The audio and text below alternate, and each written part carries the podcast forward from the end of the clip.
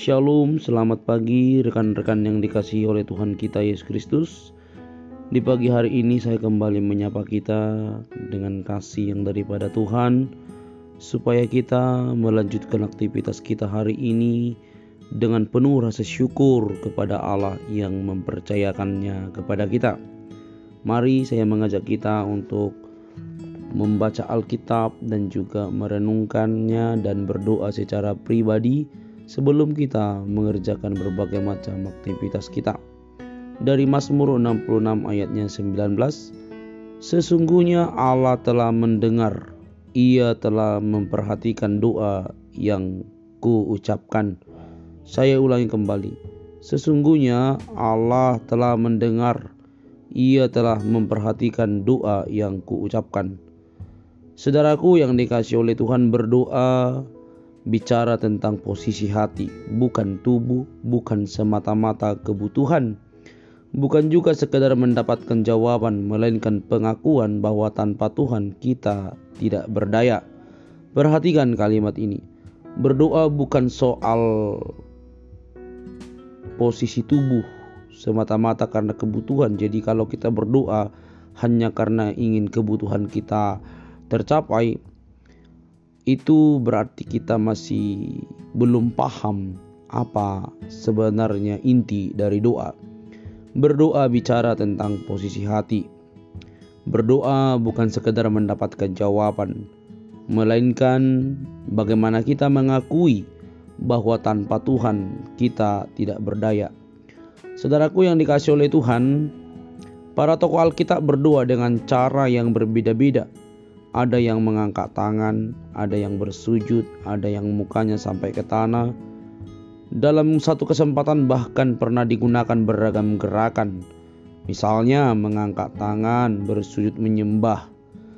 Keragaman posisi tubuh menyeratkan bahwa tidak ada posisi tertentu yang baku dan normatif. Kalau begitu, mengapa harus bertikai soal posisi tubuh waktu berdoa? Jadi mau mengangkat tangan, mau bersujud, mau seperti apa pun dalam posisi berdoa, janganlah itu menjadi bahan pertikaian di antara orang-orang percaya. Sikap hati lebih penting daripada posisi. Alkitab cukup jelas tentang hal ini. Orang-orang Farisi dan ahli Taurat beberapa kali ditegur oleh Yesus Kristus karena memiliki sikap hati yang keliru dalam berdoa. Walaupun penampilan dan aturan berdoa mereka terlihat begitu hikmat dan saleh, ya. Penjelasan di atas tentu saja tidak berarti bahwa posisi tubuh benar-benar tidak perlu dipedulikan. Ya, harus dipedulikan juga. Kita perlu mengingat bahwa posisi tubuh kadangkala atau tidak selalu mengungkapkan posisi hati.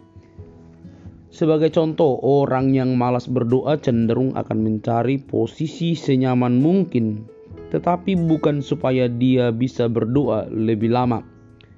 Tidak jarang orang yang berdoa sambil tidur-tiduran memang sedang malas berdoa.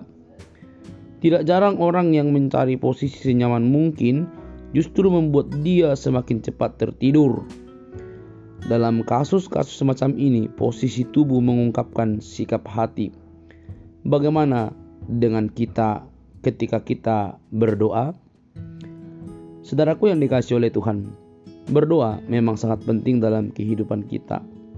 Perhatikan sikap hati dan perhatikanlah cara posisi tubuh kita ketika kita berdoa. Berdoa adalah mengungkapkan ketidakmampuan kita kepada Tuhan.